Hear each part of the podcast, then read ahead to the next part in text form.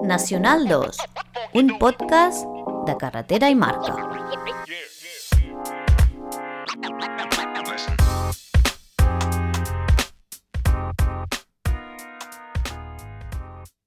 Hola Pere, bona tarda. Molt bones, Oriol, ja tornem a ser aquí. Com anem? Benvinguts Molt a Nacional bé. 2, Ostres, un podcast de carretera i manta. On viatgem pel territori català descobrint marques autòctones que ens posen la pell de gallina. Avui, Oriol, et faré trampes. Què dius ara? Avui et faré trampes perquè avui anem a casa. Avui anem a Breda. Juguem a casa avui, juguem a casa. Avui juguem a casa, que de tant en tant, què coi? Que, per què no hem de, fer, hem de fer una mica de trampes? Home? Molt bé, per sembla, no? em sembla què molt no? bé. S'ha d'escombrar cap a casa sempre, molt bé. Doncs mira, avui t'explico una mica la història de la marca que et porto, perquè em sembla que és molt divertida i que em sembla que en podrem comentar moltes coses i que té, té molta tirada. És una marca petitona. Uh, Com ens agraden, eh? Com ens ens agraden les molt les marques petites, petitones, sí, perquè ens agrada... i a més ens seguirem l'evolució i sabrem a veure cap on van, cap on avancen i cap Et proposo fer un dia un, un Què altre passó pod- con? Exacte, exacte. I, I fer una revisió. De... Em sembla molt és- xulo. és- és interessant això les marques quan que acabem estan aquest naixent, 100, eh? Quan acabem aquest 100 haurem de mirar a veure què ha passat. Molt bé, si molt bé. encertàvem, si anàvem bé, si no anàvem bé i com anàvem. Escolta'm, la història que et porto avui és la del David. El David, el 2011, era consultor tecnològic de la Diputació, no sé si és Diputació o no sé què, de la Selva, de Conselleria de la Selva. Jo amb aquests noms eh, burocràtics m'hi perdo, no sé si et passa a tu, és, un, però... és, un, és un podcast de marques, no de... Per això. Però era consultor tecnològic i va dir que fins aquí havíem arribat perquè lo seu el que realment li agradava era l'hort. Hòstia, I això, al segle XXI, nois. quin canvi, tio. Al segle XXI, és total. És un noi que havia trastejat sempre a l'hort dels seus avis, que segons ell, eh, segons ell tal com explicava, doncs havia fet més eh, estropicis que, que no pas eh, riures, però, però que d'aquí se n'aprèn, d'aquí se n'aprèn.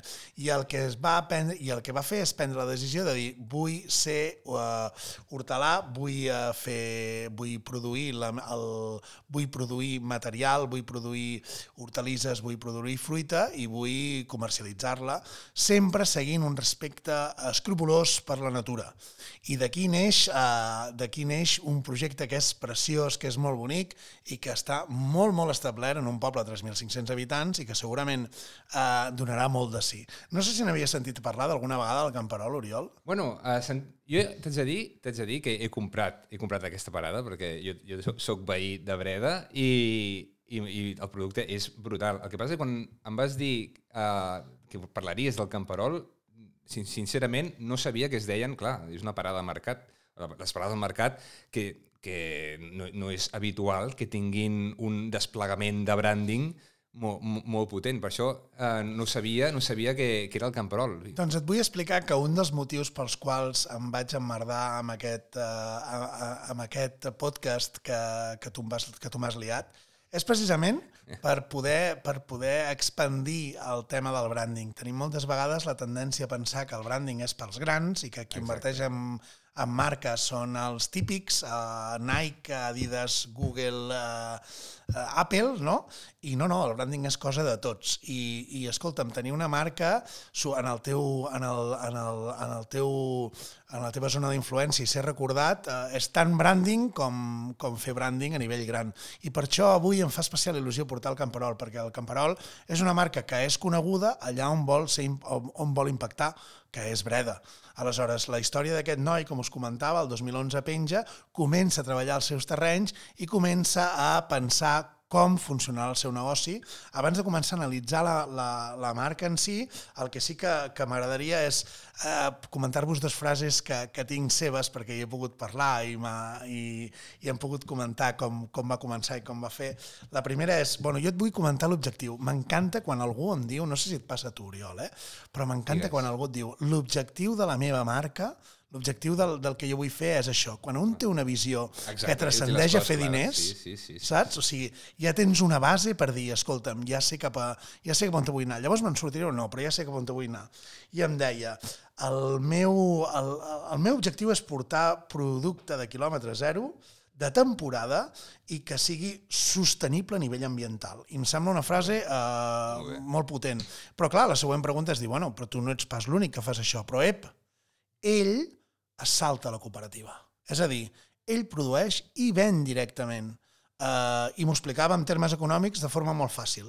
A mi, produir un enciam, per exemple, no? el, el fet de produir un, un enciam, jo el, uh, em costa 9 cèntims d'euro, si tinc en compte el combustible que he d'utilitzar amb la furgoneta, tot el tema del desgast, etc etc.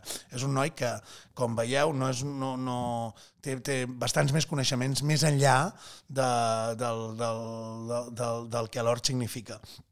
Aleshores, jo, li, si li venc a la cooperativa, em costa 15-16 cèntims i acaba arribant al supermercat, el que sigui, eh? el bon preu, esclat, el, no ens posarem a dir marques ara, eh? el Condis, el que sigui, eh, acaba arribant i comercialitzant-se per un euro.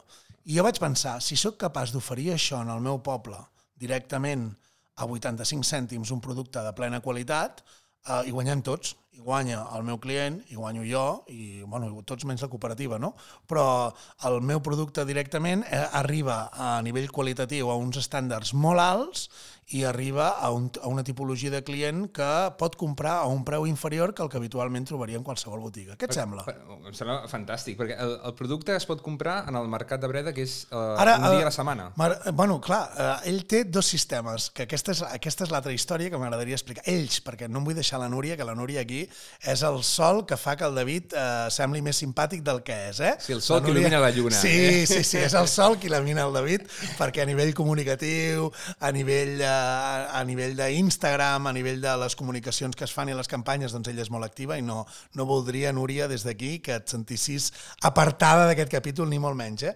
Però, eh, ostres, m'he perdut, Oriol. Uh, estàvem a... Parlàvem de la, de la comercialització. Exacte, quan eh, ells, es pot... A, a través d'aquesta idea, ells van començar a pensar com podien fer el comerç a domicili, és a dir, a través d'una comanda, ells servien a les cases de forma individual.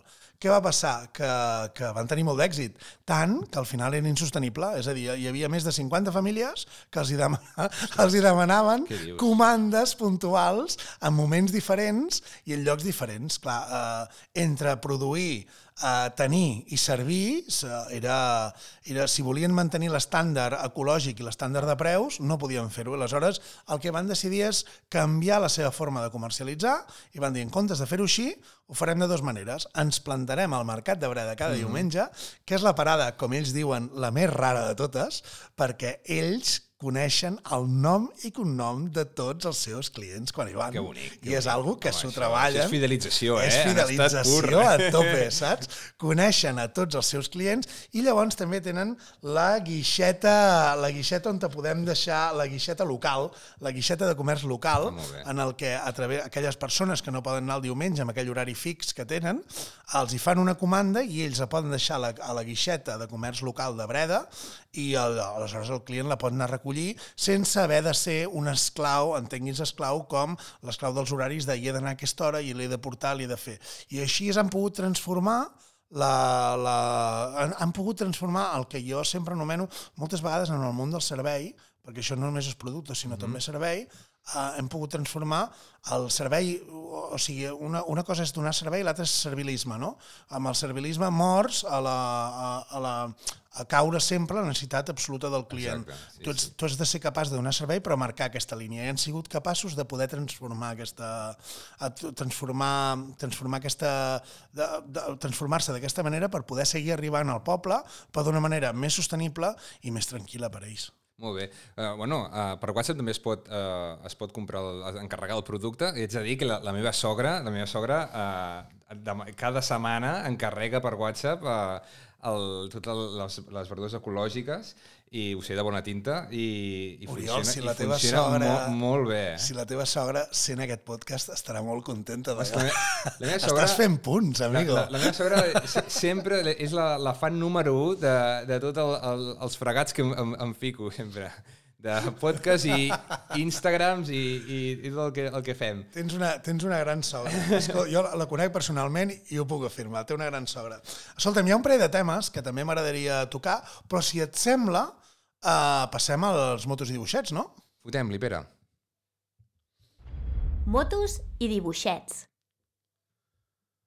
Doncs Bueno. som-hi. Com, mira, com sabeu, aquesta secció és la que analitza des del punt de vista més visual i des del punt de vista més teòric eh, sobre la implantació de la idea de la marca i de la idea de negoci en un, en un mercat donat. I, i avui estem parlant aquí del Camperol. No hem parlat mai d'on surt motos i dibuixets. Potser sí, estaria, bé, estaria bé explicar-ho. Guarda-ho pel programa 50. Que mantinguem el, el públic amb, amb tensió. Eh? Espero que hi hagi gent que no pugui dormir avui Exacte, pensant què volen dir Motos i motos i dibuixets. Motos i dibuixets, tot vindrà, el dels motos i dibuixets. Ho sabreu si ens seguiu. Algun dia, imagineu lo interessant que pot ser amb un sopar amb amics, dir jo sé per què li diuen motos i Mira, dibuixets doncs, i tu no. et, et prenc la paraula. Està molt bé. Mantinguem la- l'expectativa al, alta fins al, al programa 50. com que Estem massa acostumats a que ho volem saber tot de seguida. Ja ho sabreu quan toqui i punto. Mantinguem, mantinguem el hype eh, fort. Vinga, va. Exacte. Doncs escolta'm, uh, una de les... Uh, parlàvem parlàvem de- d'aquesta marca del Camperol que intenta arribar a un públic molt, molt, molt... És un públic de nicho, és un públic molt segmentat, és un, és, té un univers de 3.500 persones, més enllà de les persones de fora de Breda que poden arribar a aquest mercat cada setmana. I tenen una forma molt característica de poder-se expressar eh, hi, ha, hi ha un core d'aquesta marca i d'aquesta manera de fer que és molt clau i que, que tenen molt integrat tots dos, que és el respecte per la natura. Tant és així, Oriol, tant és així. I dos, dos, et diria que hi ha dos característiques molt claus. La primera és el respecte per la natura, la segona és la qualitat del producte. I tenen molt a veure això que us explicaré, perquè la, la, la, tant el respecte a la natura com el, la qualitat del producte, ells ho descriuen de la manera que no- ells només serveixen producte de temporada. És a dir, allò que el clima no permet fer en una temporada, ells no ho tenen. I productes més envasats o confitures, Zero. això no, no fan res d'això. O sigui, producte... Confitura, ara t'ho explicaré perquè ells també són capaços i, i fan col·laboracions amb altres productors semblants per poder tenir un, per per poder tenir productes eh, diferents en un moment donat que no siguin només eh, les hortalisses i les fruites que tenen de temporada. Doncs, per exemple, melmelades, no? Tu saps que si vas a comprar melmelada a la seva parada és d'algú que és com Exacte. ells, perquè ells eh, no, farien, no farien mai res que no fos de la filosofia Exacte. que ells comparteixen. Jo ara tinc l'Instagram aquí davant, per cert, uh, oients, el Camperol, si voleu mirar el, el seu Instagram, el Camperol a Instagram, i veig que sí, sí, treballen amb, amb olis ecològics, amb marmelades, eh, amb, amb unes et- etiquetes que són, es veuen casolanes, i, i el que dius, uh, fan, fan col·laboracions amb, amb altres marques segur que mantenen aquest esperit uh, sostenible. Uh, És molt bonic veure la col·laboració que hi ha Exacte. entre, entre productors eh, molt semblants, perquè fins i tot ells m'explicaven, que això també em sembla molt bonic, que entre ells, entre, els, entre aquestes col·laboracions, m'ha m'ha fet molta gràcia la frase la moneda per sentit. És a dir, uh, uh, com, com a l'antiguitat... El trueque, el trueque. Ah, exacte. És a dir, he fet remolatges. Tinc 50 quilos d'accident de remolatges. Tu les necessites? Sí. T'ho canvio per pebrots. Molt bé, Aleshores, molt bé. si jo he tingut més, més remolatges i tu tens més pebrots, com que tots dos sabem que l'origen del, que, del que estem fent és un origen molt clar, molt, molt verd, molt, uh, molt, tracta, molt, molt poc tractat químicament i, uh, i, i coincidim amb la nostra manera de fer la nostra manera de- d'entendre què és el que li hem d'oferir al nostre client, jo em fio del producte que tu dones i tu et fies del producte que jo et dono. I sé que mantinc aquest estàndard de qualitat que per mi és Totalment, bàsic. totalment. Aleshores, m'explicaven coses com, per exemple, per què vull comercialitzar jo un tomàquet en un moment en què el tomàquet no el puc treure perquè no ha madurat si sé que quan arribi a la taula no serà prou bo?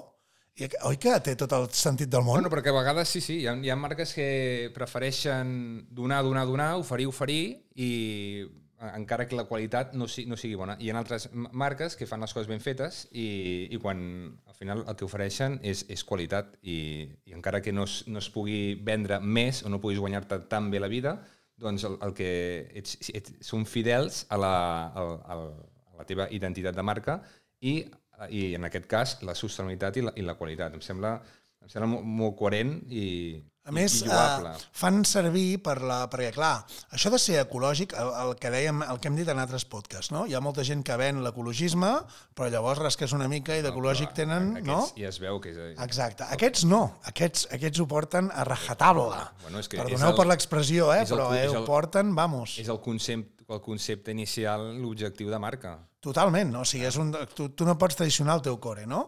Aleshores, eh, ells, perquè us en feu una idea, tenen gallines, han, saben treballar com antigament es treballava per poder evitar mals, eh, mals que, que, que, que acaben sortint. O sigui, per exemple, m'explicava, jo no tinc ni idea, eh, si m'equivoco, nois, tinc, no, que no m'ho tinguin en compte, que no m'arribin missatges Recla dient, no, tens ni reclamacions, idea." hem reclamacions. Però intento fer-ho tan, intento explicar-ho tan bé com em No no pateixis. possible.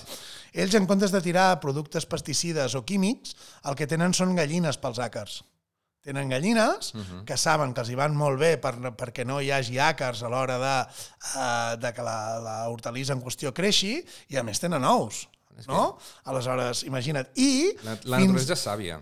i s'han fins i tot preocupat de recuperar, eh, que això m'ha semblat diví, eh, s'han eh, fins i tot preocupat de, de recuperar el presseguer de vinya, que ja no n'hi ha, que el presseguer de vinya és un, un tipus de préssec que, que a través dels anys i del canvi de cultius, etc s'havia deixat de cultivar i que era molt típica breda, doncs ells l'han tornat a plantar i tenen presseguer de vinya Hòstia. quan no n'hi ha lloc. I això, això és molt bonic, Molt perquè bé, això transcendeix els diners. Això és una manera d'estimar el que tu fas i fer-ho partir i fer-ne partícip els demés, que són els que et volen eh, els que et volen els que al final et volen bé i et venen a comprar, no? O sigui, em sembla molt, molt xulo en aquest aspecte, no, Oriol? Super interessant. Doncs uh, molt bé, Pere, eh? Uh, M'agrada molt, uh, ara que conec més la, aquesta, aquesta marca, i, bueno, dic, dic marca, però em, crec que és d'aquests casos que em quedo curt dient marca, perquè és més, és més uh, persones i, i un producte, un producte amb, amb ànima que una, una marca uh, tal i com en, en, entenem les marques. No? Sí, és veritat que el d'una marca moltes vegades queda, queda com algú fred, eh? Jo, jo, tinc, jo tinc el plaer de conèixer-los i et diria que uh, és una marca amb filosofia de vida. Clar, o sigui, ells que- tenen aquesta filosofia de vida, són així. Però és una- I quan els hi preguntava, i m'agrada, et vull... És que si no se m'anirà, Oriol, deixa'm-ho dir tu, perquè si no, no se m'anirà. Eh, quan li preguntava, bueno, què esperes del futur? Em deia, jo això sí que ho tinc claríssim.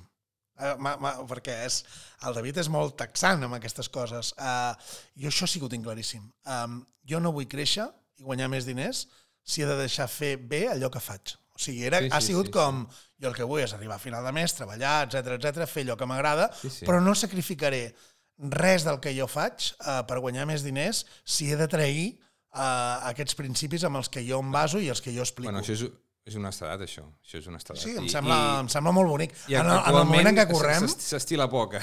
Sí, sí, sí, exacte. Aquest valor, eh? clar, com a, com a problemes, i ara parlarem de la fredor de marca, que em sembla, em sembla molt, molt xulo, eh? aquest tema que has tret dona per dos programes. Eh? Um, el, el, el, me- més enllà del tema de la fredor de marca que dius, que, que, que hauríem de puntualitzar a veure, a veure a veure cap on anem. Sí que és veritat que per mi és un cas clar de branding, tot i que no té escalabilitat, no té replicabilitat i no pot arribar a altres mercats, a no ser que hi hagi persones que facin exactament el mateix que ells, que llavors ja no es pot ni... ni o sigui, que al final ja, ja s'hi entenen, no?, amb altres col·laboradors, amb altres persones que fan realment això. Però sí que té sentit de branding en el sentit de que és una marca que se senta dins d'un univers objectiu, perquè tu a Breda parles del camperol i tothom sap qui és el David i la Núria, ah. saps? I a mi això em sembla que és branding. Sí, sí, sí. És que el més interessant d'aquesta marca que, que has portat avui és, és, és això. Jo, sincerament, uh, així off the record, quan uh, en Pere em va dir que parlaríem d'aquesta marca, vaig pensar, hòsties, uh, clar, no té, un, això no té un desplegament visual, no, no fan... No, tenen web? No, no, no, No, no, em sembla que no tenen web. No, no tenen web. Uh, apli aplicacions tenen, tenen poques, però és el, que, és el que comentes. Al final, una marca són... O sigui, les persones tenen branding. Les persones... Oh! Sí, les persones... Tothom fa la, la seva pròpia marca i, i poden ser uh, un, un comerç, un, un negoci totalment honest, totalment uh, petit, sense gran visualment, sense un gran desplegament, però tenir la, una, uh, una arrel i una, una essència uh, de, de concepte i d'objectius tan, tan clara i tan definida que això els fa ser coherents i els fa tenir branding. I això és, sincerament, del, del que portes, del, de l'exemple que portes avui, això és el tema més, més interessant i, i sorprenent, perquè sempre estem acostumats, sobretot si, si venim des del, des de l'univers, més de, des del punt de vista més de disseny, més de comunicació visual, a que tot per ser branding ha d'haver-hi cromo. Ha de, i, I no, no. No? La fredor de la marca. M'agrada aquest tema i el tema de que sempre pensem en el branding per vendre més i que, tant que no està renyit, eh? el Déu-nos en guard. Jo com a consultor de marca estudio la manera de que una marca es pugui posicionar perquè tingui més... Perquè al final, quan nosaltres estudiem una marca, estudiem eh, com es pot posicionar millor dins del seu client i sobretot les taxes d'increment de ventes i de uh, fidelitat de clients. O sigui, per nosaltres és, és imprescindible. Mm -hmm. Però al tanto, una marca va molt més enllà. Una marca és... eh, Per això, quan tu parles de...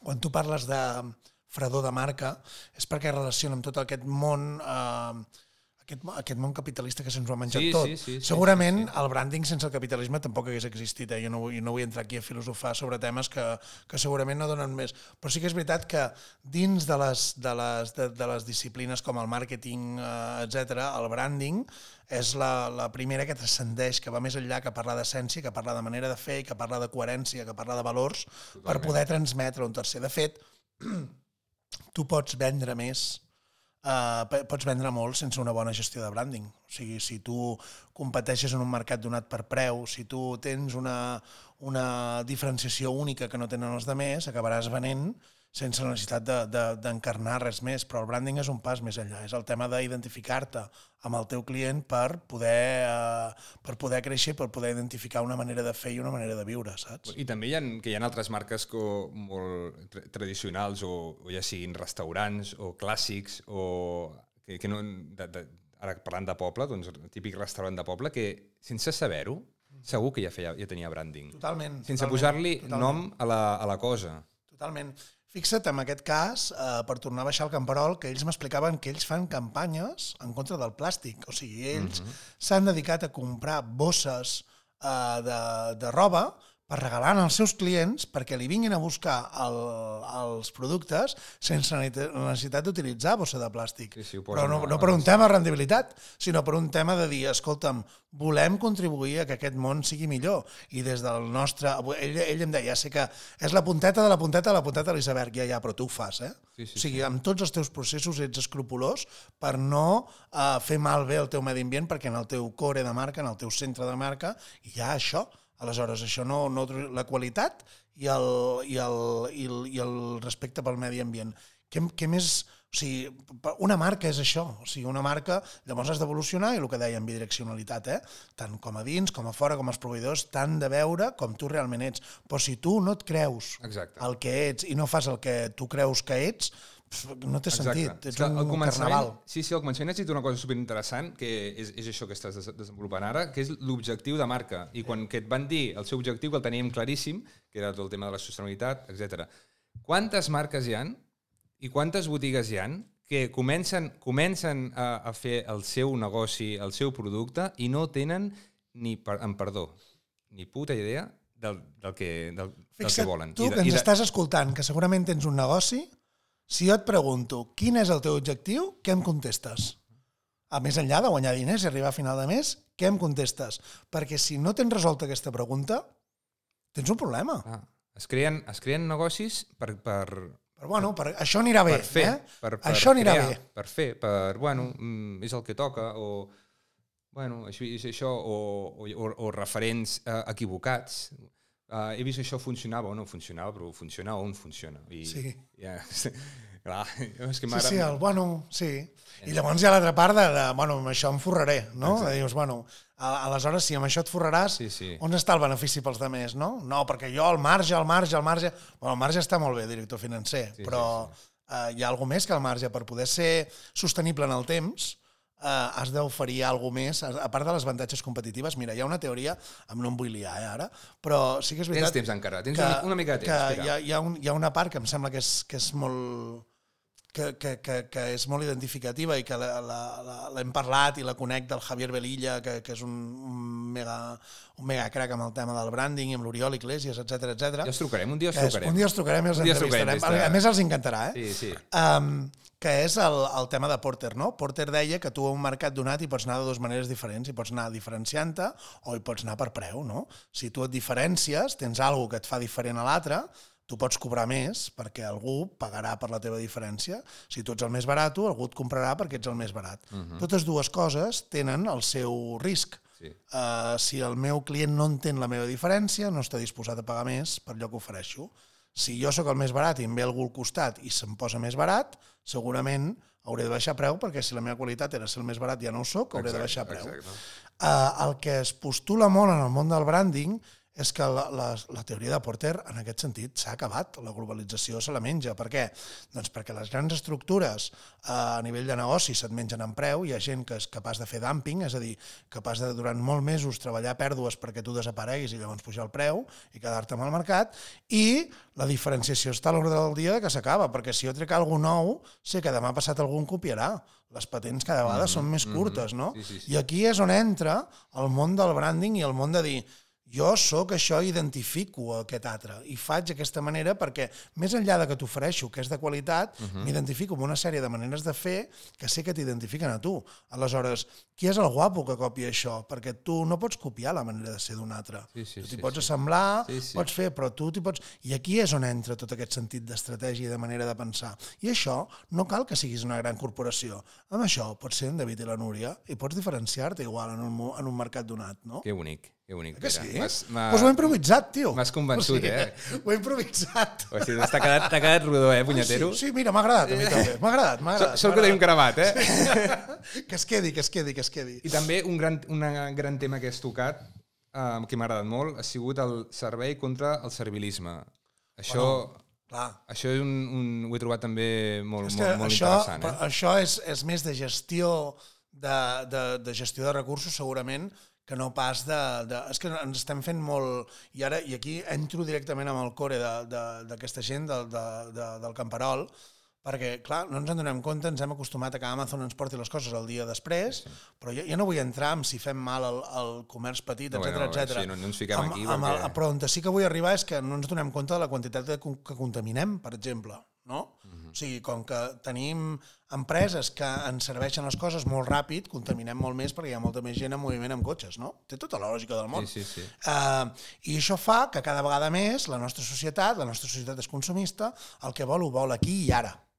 Això fa que si jo vull eh, servir al meu client i vull donar-li, he de ser-hi Totalment, totalment. sempre Serem 24-7. presoners de, Exacte. de la immediatesa. Llavors, de, de, És de, molt sí, important identificar qui és el teu tipus de client i fer-li entendre que tu ets així. És a dir, que tu serveixes quan tu serveixes, de la manera que serveixes, sí. i que ho fas de forma excel·lent en aquells moments en què tu creus que ho has de fer. Perquè si no, el servilisme, eh, si, quan tu dones el 24-7 de forma... Mm, eh, de forma com una cosa més, com una, com una característica més d'allò que ofereixes, el gran problema que tens és que t'ho donen com un must, és a dir, ho has de tenir, si no, de què em serveixes? I no, no, nois i noies que m'esteu escoltant, eh, depèn de quin recanvi que necessitis de la teva, del teu Apple, no el tindran en el moment, sí. saps? O sigui, pensem, pensem que no tothom fa lo del 24-7 i que no té I el, res i el avui demà. moltes vegades et, et treu valor, al final. Et resta, et resta valor. No hi ha res. Uh, penseu que nosaltres funcionem a l'hora de consumir de dues maneres. Uh, nosaltres tendim al desig. Això hi ha un llibre que es diu Quiero esa marca, que us, us recomano, que parla molt d'això. Les marques es basen amb el desig. Pròxima secció que podem, que podem crear és recomanacions de... Mare meva, d'aquí també en, tindrà- en trobarem unes quantes. Doncs m'a- m'agradaria dir això perquè em sembla que, que és molt important això que dius tu, amb el tema del desig. Uh, nosaltres uh, mm, generem tanta satisfacció quan desitgem tenir una cosa uh -huh. com quan la tenim. De fet, quan la tenim, quan ja és nostra, ja passem a next step. O sigui, què volem més? què Perd, volem perd, més endavant? la... Exacte, no? Aquest- Perd aquesta frescura. I aquí és on hi ha el, el tema. Si jo sóc capaç de, a l'aquí i ara, poder-lo allargar de forma sostenible, però a més creant aquesta, aquesta, uh -huh. Sí, sí, uh, aqu aquesta calentor en el Sí, client, sí, sí. penseu que qualsevol cotxe de luxe d'aquests que coneixeu, Porsche, Ferrari, etc, no, no arribes al concessionari i te'l donen, et fan esperar 3 mesos, 4 mesos. Com ho fan ells i per què tu els hi has de donar les coses al cap de 20 minuts? No dic que tu hagis de ser Porsche o hagis de ser Ferrari, has de pensar com entregues Oi. el teu producte i com pots donar-li aquest plus qualitatiu. I No? que al final la, les coses de la vida tenen el seu curs i, i, i costen d'aconseguir i, i no tot és Ikea. Vull dir, és que... No, no, totalment, Clar. totalment. I que, que, que la gent posa més en valor i que si som... Que, Ah. que jo crec que aquest podcast, com el del Camperol d'avui, està molt dedicat i està molt enfocat a entendre que les marques petites es poden diferenciar i han de diferenciar-se i poden ser sostenibles econòmicament i en el temps. I poden apostar pel branding, Sí. encara, encara que no siguis una, una gran marca. Se'ns està anant la cosa de mare amb el temps, eh? I jo que patia que, ai, ai, ai, doncs mira, eh, resulta que, que ja ens hem passat del temps què- una altra vegada. Què et sembla si anem per la última secció, el brandòmetre? Jo em sembla que ja triguem. El brandòmetre.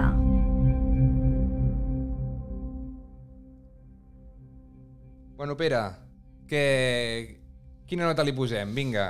Uh, començo jo, clar, aquesta més difícil de puntuar. Aquesta és perquè... difícil perquè la tenim tan, tan, a, tan al, al nostrada. cor i... A més, si li foto mala nota, imagineu-vos el diumenge. O sigui, em cauran els pals al mercat Els de. Breda. No, els pals no, tiraran tomàquets, Pep.